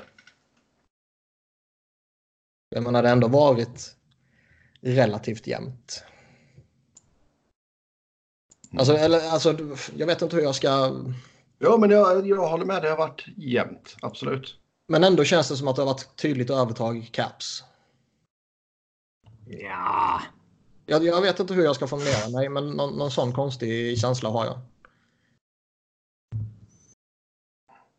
Men det kanske är för att när, när, när, Caps väl får press, för de hade ju, vad var det, början av match eh, två var det väl tror jag. Där de fick en sjuhelvetes tryck. Mm. Och bara kötta, kötta, kötta och sen fick de ett mål också. Och det liksom, ja, ja, det där målet hängde lite i luften. Det kanske står ut mer när, eller när eh, Caps kommer i, i sådana lägen. Gör ju inte riktigt Keynes. Nej. Mm. Redo att hålla med. Redo att hålla med. Eh, Michael Furlan fick en matchstraff för en huvudtackling i Game 2. Uh, Rob Brindamore blev riktigt förbaskad. Man blev ju typ nästan lite rädd genom Du blev tvn. rädd genom tvn. Ja. Ja. Eh, man trodde ju på riktigt att hans huvud skulle bli illrött och sen explodera. Han tyckte inte alls att den tog i huvudet. Och det var ju tur att domaren hade visir. Så han inte fick allt spott i ögonen. Fast jag, jag, jag, tycker den tacklingen som uh, Furland sätter på... Uh, uh, jag har glömt vad fan det var. Det var... Uh, Dowd var det väl? Ja, det var det. Ja, det var det. Den är svår. Jag tycker å ena sidan så ser den ut som en huvudtackling när han sätter den. Å andra sidan ser det ut som att han smäller honom i bröstet först. Liksom. Uh, och han, han är i ett framåtlutande läge sådär och försätter han sig själv i den där positionen och bla bla bla. Jag, jag tycker den situationen är jättesvår. Så jag, någonstans kan jag förstå att Brinda Moore blir så jävla skogstokig som han blir. Med tanke på att Ovechkin sätter en rätt tydlig huvudtackling tidigare i matchen och får en tvåa. Mm. Nu var inte den ful på det sättet.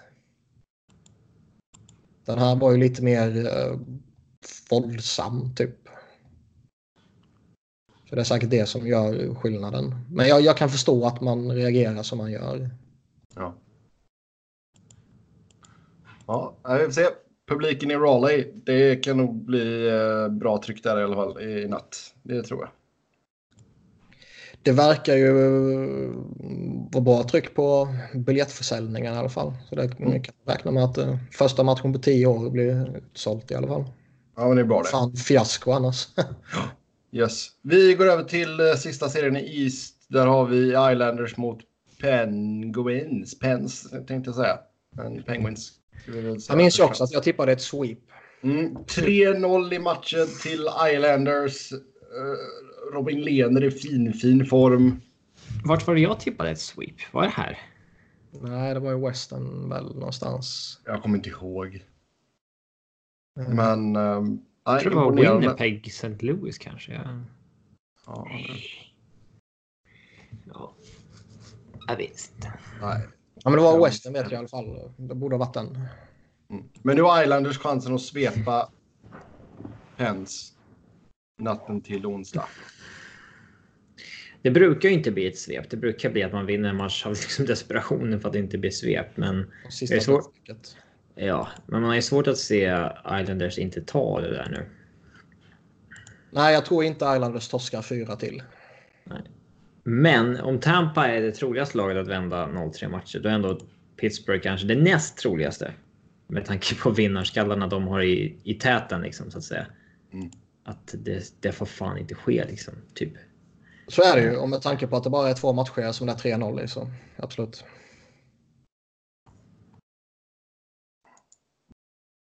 Ja, men ja. jag förstår vad du menar Robin. Ja, jag med. Jag tyckte det var roligt. Crosby har noll poäng på tre matcher. Ja. Uh, och jag fyra för att skjuta in den skitstatistiken. Nej, den är högst relevant när det kommer till att klaga på Pittsburgh. Uh, jag tycker ju faktiskt att deras toppspelare inte ser bra ut. Matt Murray ser fan inte bra ut. Han är ju en average målvakt. Det är inget mer alltså, speciellt med honom. Nej, nej, absolut. Men han ser ju sämre ut än det.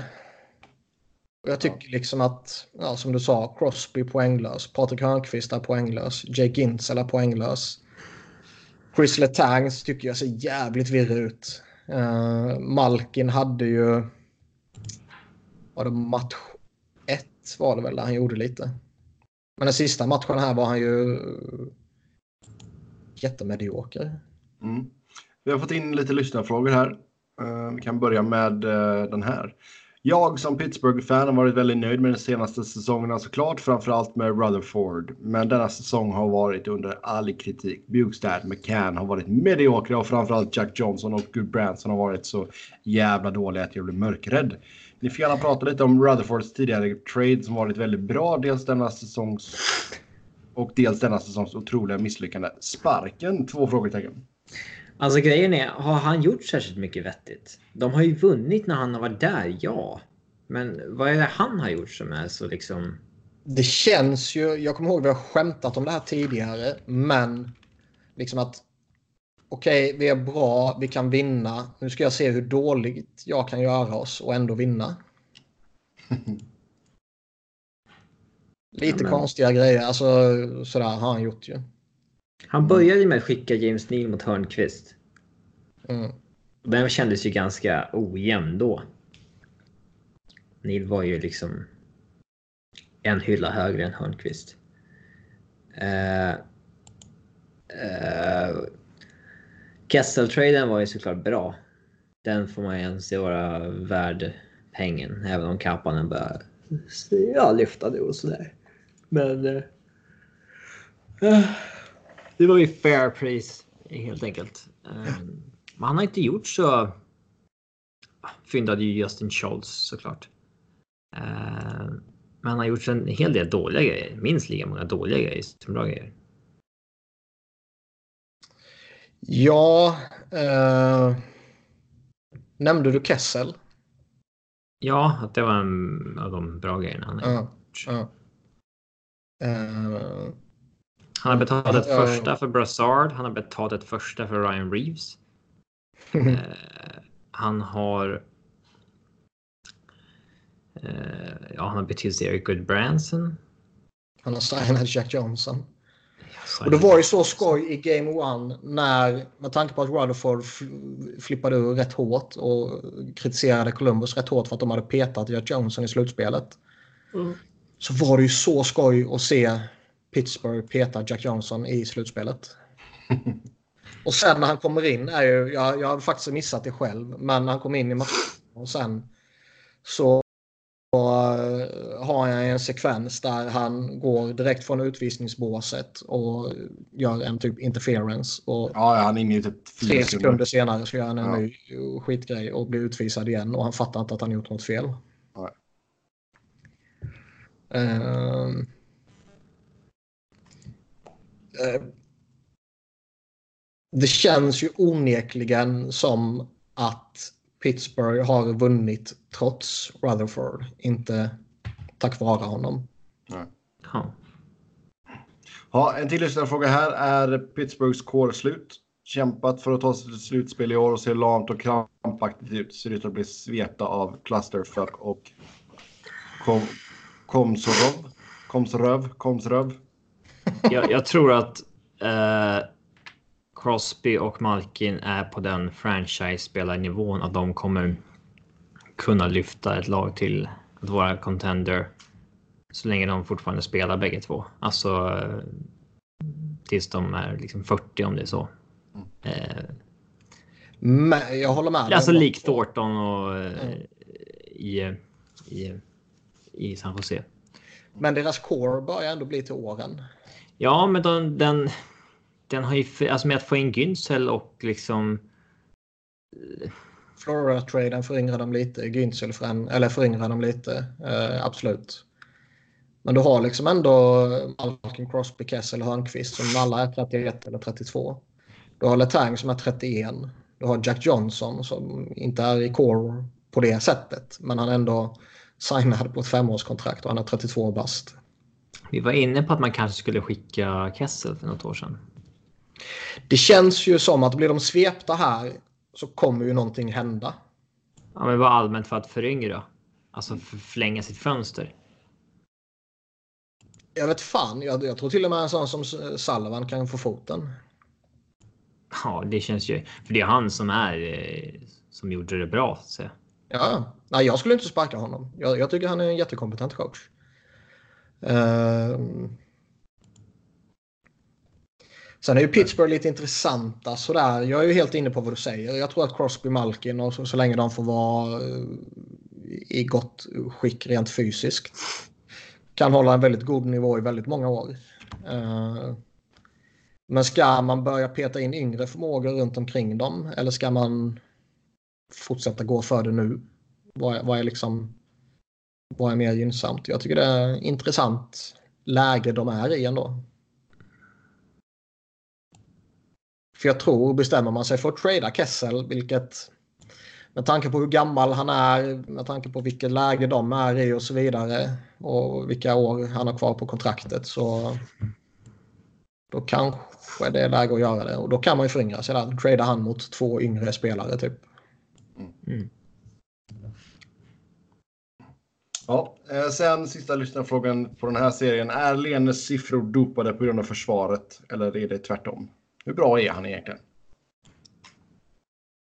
Alltså, man kan inte dra några, alltså, av tre matcher kan man inte dra några slutsatser åt något håll tycker jag. Titta på hela hans säsong. Ja, men han... Det är klart, alltså nu, nu när eh, han har lyckats lämna den där skiten bakom sig, vad det verkar som, så, så lever han lite mer upp till sin potential som han visade tidigare. Uh, Alltså när han kom in i ligan så hade han ju otroliga siffror. jo. Eh, men det känns ändå som att ja, han behöver göra det lite längre för att man ska liksom säga att okej, det här är definitivt. Det är egentligen bara i fjol som han eh, var riktigt trött. Han har ju levererat bra siffror genom Jo, men nu är det ju på liksom en ny nivå känns det som. Mm. Och visst, det är bara tre matcher, men whatever. Det är det, de tre matcherna vi har pratat om. Ja. Um, jag personligen håller jag ju inte Islanders jättehögt. Jag tycker det är ändå i, i grunden ett rätt mediokert lag med mediokra backar. Som har eh, tre, fyra har- riktigt Ja. bra forwards. Men de är sjukt väl, eh, välscoutade, höll jag på att säga. Eh, välcoachade. Mm. Jo, Och de, har ju fått de in de Trots. fått- Ja, och de har fått ett jättebra målvaktsspel. Ja. Så det är fascinerande att se vad grymt målvaktsspel och en grym coach kan göra med ett lag som är relativt alldagligt. Jo, alltså de har ju verkligen inte pumpat in mål eller någonting, men man har ju haft ett av de bättre försvaren, så det har ju hjälpt. Så att man då man kan räcker det att du vinner med uddamålet. Eh, och jag menar, Trots ska ha skit mycket cred där och systemet funkar ju eh, bevisligen i defensiven. Så, eh, mm. Nej, nej, både Lener och eh, Greisch har ju riktigt fina siffror. Vi tar och går över till Western Conference. Nashville mot Dallas, där står det 1-1 i matchen när vi spelar in detta. Ja, såg ni match två eller? Nej. Såg ni några bilder av de här blinkande jävla halsbanden som han delat ut till publiken? Ja, Nej, jag har sådana ikväll dock. Fy fan. Ser fram emot det. Ah, det var något av det värsta jag har sett. Varenda jävla människa i publiken hade på sig några blinkande jävla halsband.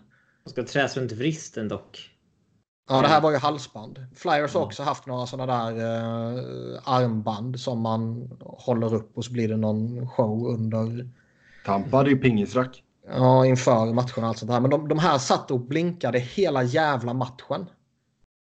Ni måste kolla på någon video eller någon GIF eller någonting. Ja, jag såg bild på det. Ja, det var helt fruktansvärt. Man undrar vad är det för jävla idiot som har kommit på den här tanken? För det måste ju irritera spelarna. Om det irriterar tv-tittare så sjukt mycket så måste man ju som spelare på isen när du kommer åkande och du tittar upp för att skjuta eller passa eller whatever och så bara ser du en massa blinkande jävla lampor. Får ett epilepsianfall istället. Ja, alltså fruktansvärt. För fan, någon måste avgå. Och det är sällan jag säger det och på riktigt menar det. Men du måste en fan någon avgå. Räcker det inte med playoff merch? Räcker det inte med en gratis t-shirt? Va? Måste det vara en massa blinkande grejer och pingisracket och ja. Men jag tycker det är Preds, alltså. Fan. Där, kör, där körde som- Columbus lite klassiskt. De körde blåa t-shirtar till nästan allihopa. Sen var det några som fick vita t-shirtar för att det skulle stå hashtag CBJ. Det, det räcker. Det räcker. Men Jag tycker fan Nashville, jag tycker. Det är något som inte stämmer med dem. Man tittar på någon match, eh, jag tror det var andra matchen, och liksom en sån som Mattias Ekholm gör jätteanmärkningsvärda misstag som man typ aldrig ser han göra.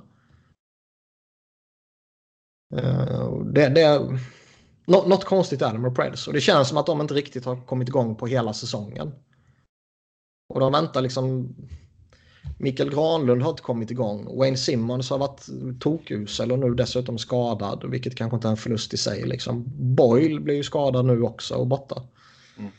Eh, Var det, Dallas, var det pucken på knät som stoppade Simmons där eller? ja det var det han lämnade matchen för. Jag har inte läst Ja. vad det var, men det får man ju förutsätta. Ja, ja. Ehm, och Dallas de känns hetare på något sätt. Liksom. Ben Bishop ser ju ut att att faktiskt kunna eh, hålla. Och då menar jag både, både, han, både jag och både bra. och fysiskt. Mm. Men det är ju liksom en förutsättning för att Dallas ska kunna utmana.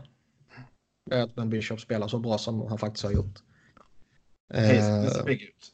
Heiskanen ser jättebra ut. Jag gillar honom sjukt mycket. Uh, Nashvilles första kedja, liksom, visst de har blixtrat till här och där, men de har inte gjort någonting.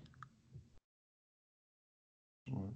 Ja, jag, jag får bara, det nå- någonting är fel med Preds, jag vet fan vad det är.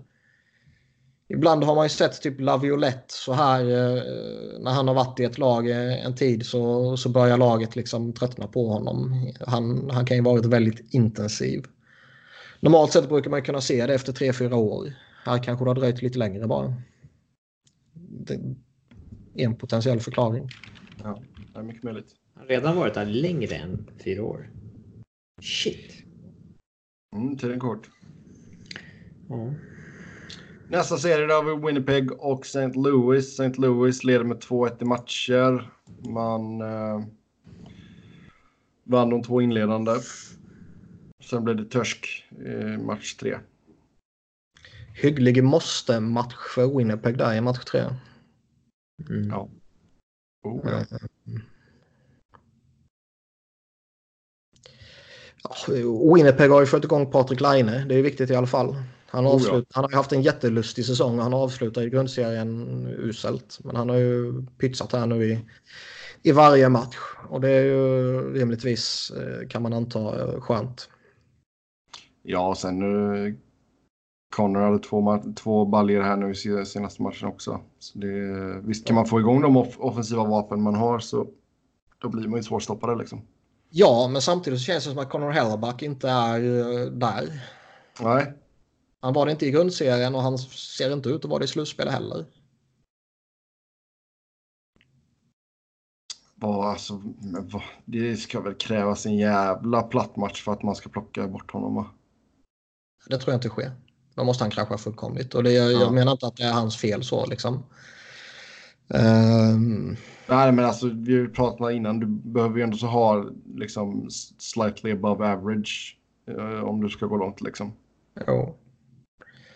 Ehm, Blues har fått igång ett gäng spelare som i alla fall har gjort någon poäng här och där. Det är väl bara Braden Chen som, som inte är där. Och Oskar Sundqvist har liksom gått in och pytsat två gånger om. Så. Ja, Jag tror mycket väl att eh, Blues kan ställa till med problem här nu.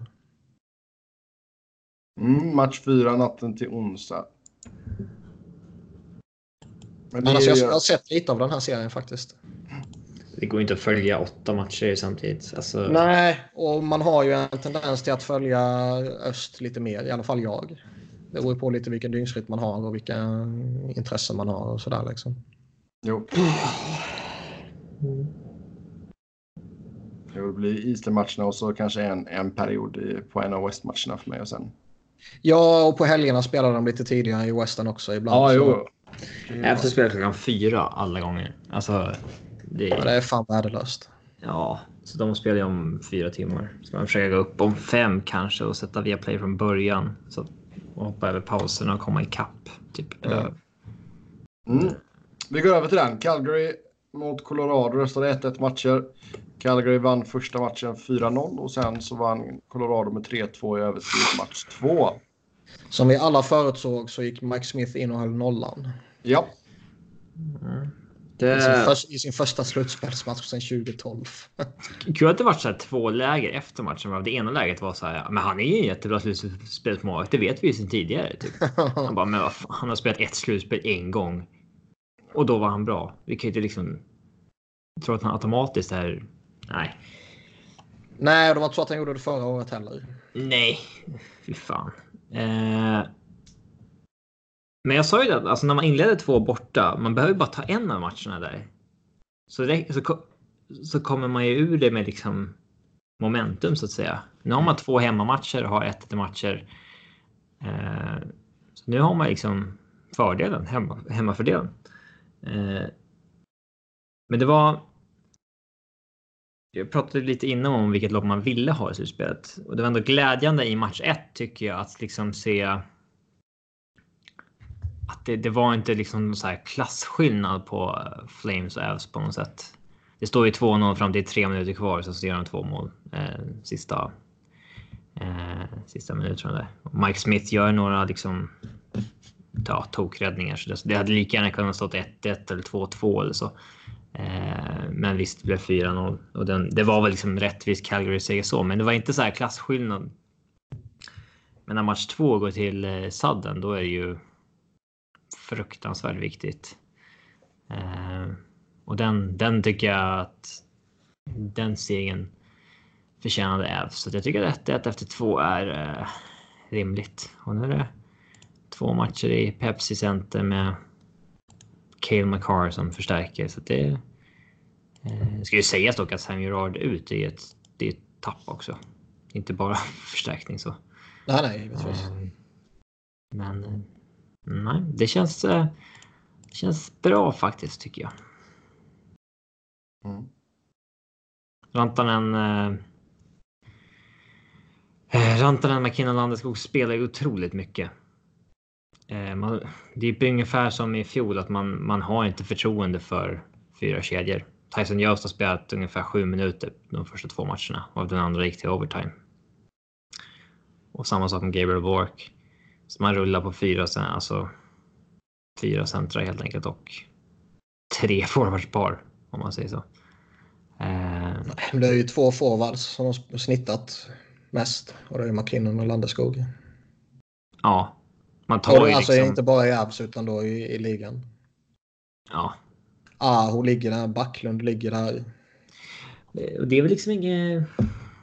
Har man den liksom kvalitetsskillnaden på sin trupp, då är det väl det, är väl det man gör liksom. Det är så man gör. Eh, förmodligen är det också direkt nödvändigt för Avs att göra det. Men... Är det Men- bättre att Landeskog spelar 20 minuter istället för 25 och att du lägger 5 minuter på Gabriel Bork så att han spelar 11 istället för 5? Nej, exakt. Alltså det, det är en nödvändighet så. Men Det är inte bra om man ska gå långt kanske. nej, jag tänkte säga det. Kan man göra det i 23 matcher? Nej, Kan, kanske inte. det, det, det tror jag. Det tror jag blir tufft. Men, Däremot så eh, eh, har väl kanske Colorado inte några egentliga ambitioner, om man säger så, att göra det. Nej, man tar en match i taget Ja. och ser hur, hur det går. Eh, Men ja, match tre i natt. Mm. Spännande. Ja, sen sista serien här då har vi San Jose mot Vegas och där leder Golden Knights med 2-1 i matcher. Jag har, rätt, eh, jag har inte så, alltså, jävla skittider så man tittar inte på, på matcherna så, men jag har sett dem i efterhand. Mm, bra med mål. Roliga matcher tycker jag. Det har varit många mål. Det har varit eh, liksom de går in och så gör de mål efter 13 sekunder eller någonting och gör det i, flera gånger om liksom. Och fint lir och det har varit lite grinigt och det har smält lite och sådana där saker. Precis som man vill se i ett slutspel. Mm. Eh, Mark Stone med hattrick här nu senaste matchen. Vegas, vi kan väl säga att San Jose vann första matchen 5-2. Sen har Vegas vunnit 5-3 och 6-3. Mm. Uh, Mark Stone med hattrick här nu senaste och Stastny hade två baljor också. Eh, men eh, ja, Joe Thornton, tacklingen där på Nosak. Den är inte fin alltså. Den är... Eh, alltså, den är utanför spelet så att säga. Ja, det där kan ju vara det sista vi ser av Thorsten. Ja. Om det vill stilla. Men det känns väl som att jag har en säsong till. Kanske. Om inte kroppen är helt jävla söndersärgad så om man bara tittar på vad han har åstadkommit så, så borde han ju kunna lira en säsong till. Men det där är ju de där tacklingarna som liksom det verkligen blir automatiskt ett gäng matcher för nu för tiden. Det är klart han ska ha det. Ja, ja givetvis. Jag har sett några som skriver eh, att han, han kan inte försvinna och så vidare. Men han, alltså han aktivt tacklar ju honom. Det är inte så att han krocka Nej, den, med den, honom. är, den är väl full på riktigt. Ja, nej, jag hoppas inte det är det sista vi har sett av honom. Av honom faktiskt. Men visst, han- när det blir. Ja, och, och liksom inte för att han längre är deras, eh, alltså den spelaren. Go to guy.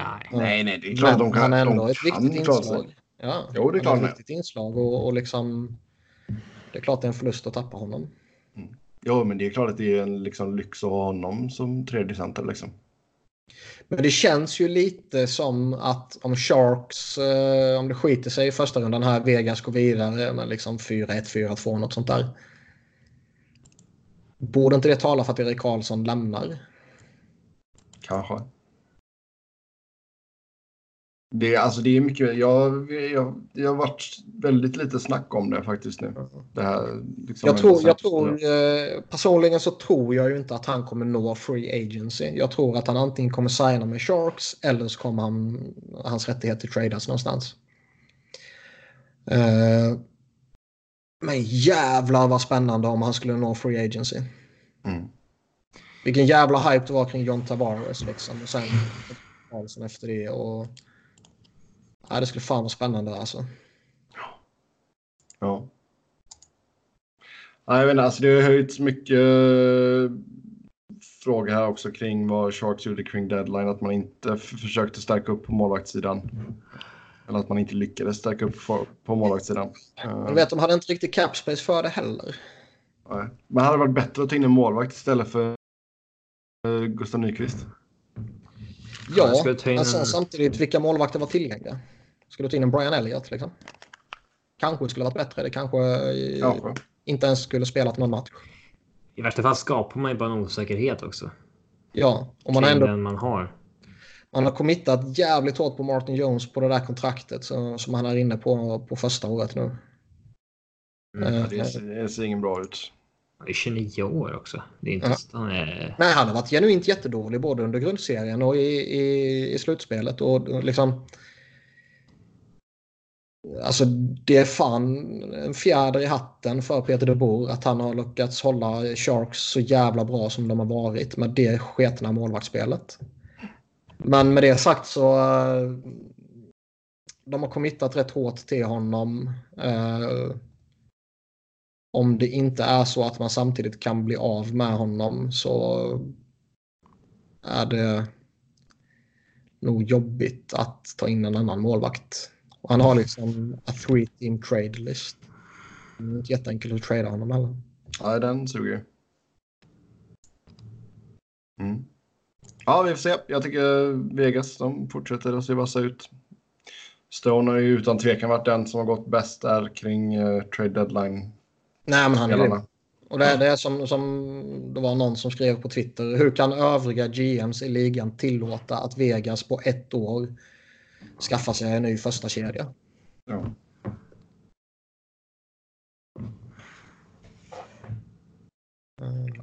Och man ser ju liksom det, ja. Det är nästan så att det ger effekten av att ta in en av ligans bästa spelare. ja. Nej, men absolut. Det har varit en... eh, vad heter det? Jackpot för dem där att få in honom, absolut. Men jag menar, tänk om man skulle få in lite vettiga namn i backs- på backsidan också. Ja, man är ju fortfarande chockad vad fan det är de åstadkommer. Alltså, som, som sagt, topp 6 är riktigt bra. De har någon enstaka i bottom 6 och Peter Ingushev där så blir det jävligt intressant. Och så typ en och en halv bra backar. Och sen en riktigt fin målvakt i Flurry. Mm. Men det, den här jävla backbesättningen borde inte hålla. Men återigen, det är också ett välcoachat lag. Gerard Gallant har ju gjort underverk. Mm. Ja, vi tar och sparar de andra lyssnarfrågorna till eh, nästa avsnitt här för Robin ska väl försöka få några timmars sömn innan Ävs sätter igång. Som vanligt kan ni följa oss på Twitter. Mig hittar ni på att Noren, Niklas på att Niklas Wiberg, Niklas med C och Wiberg med enkel V. Robin hittar ni på R underscore Fredriksson. Tills nästa gång, ha det gött. Hej! Oj, nu måste jag stänga av också. Vad fan gör jag det? Tryck på knappen. Där!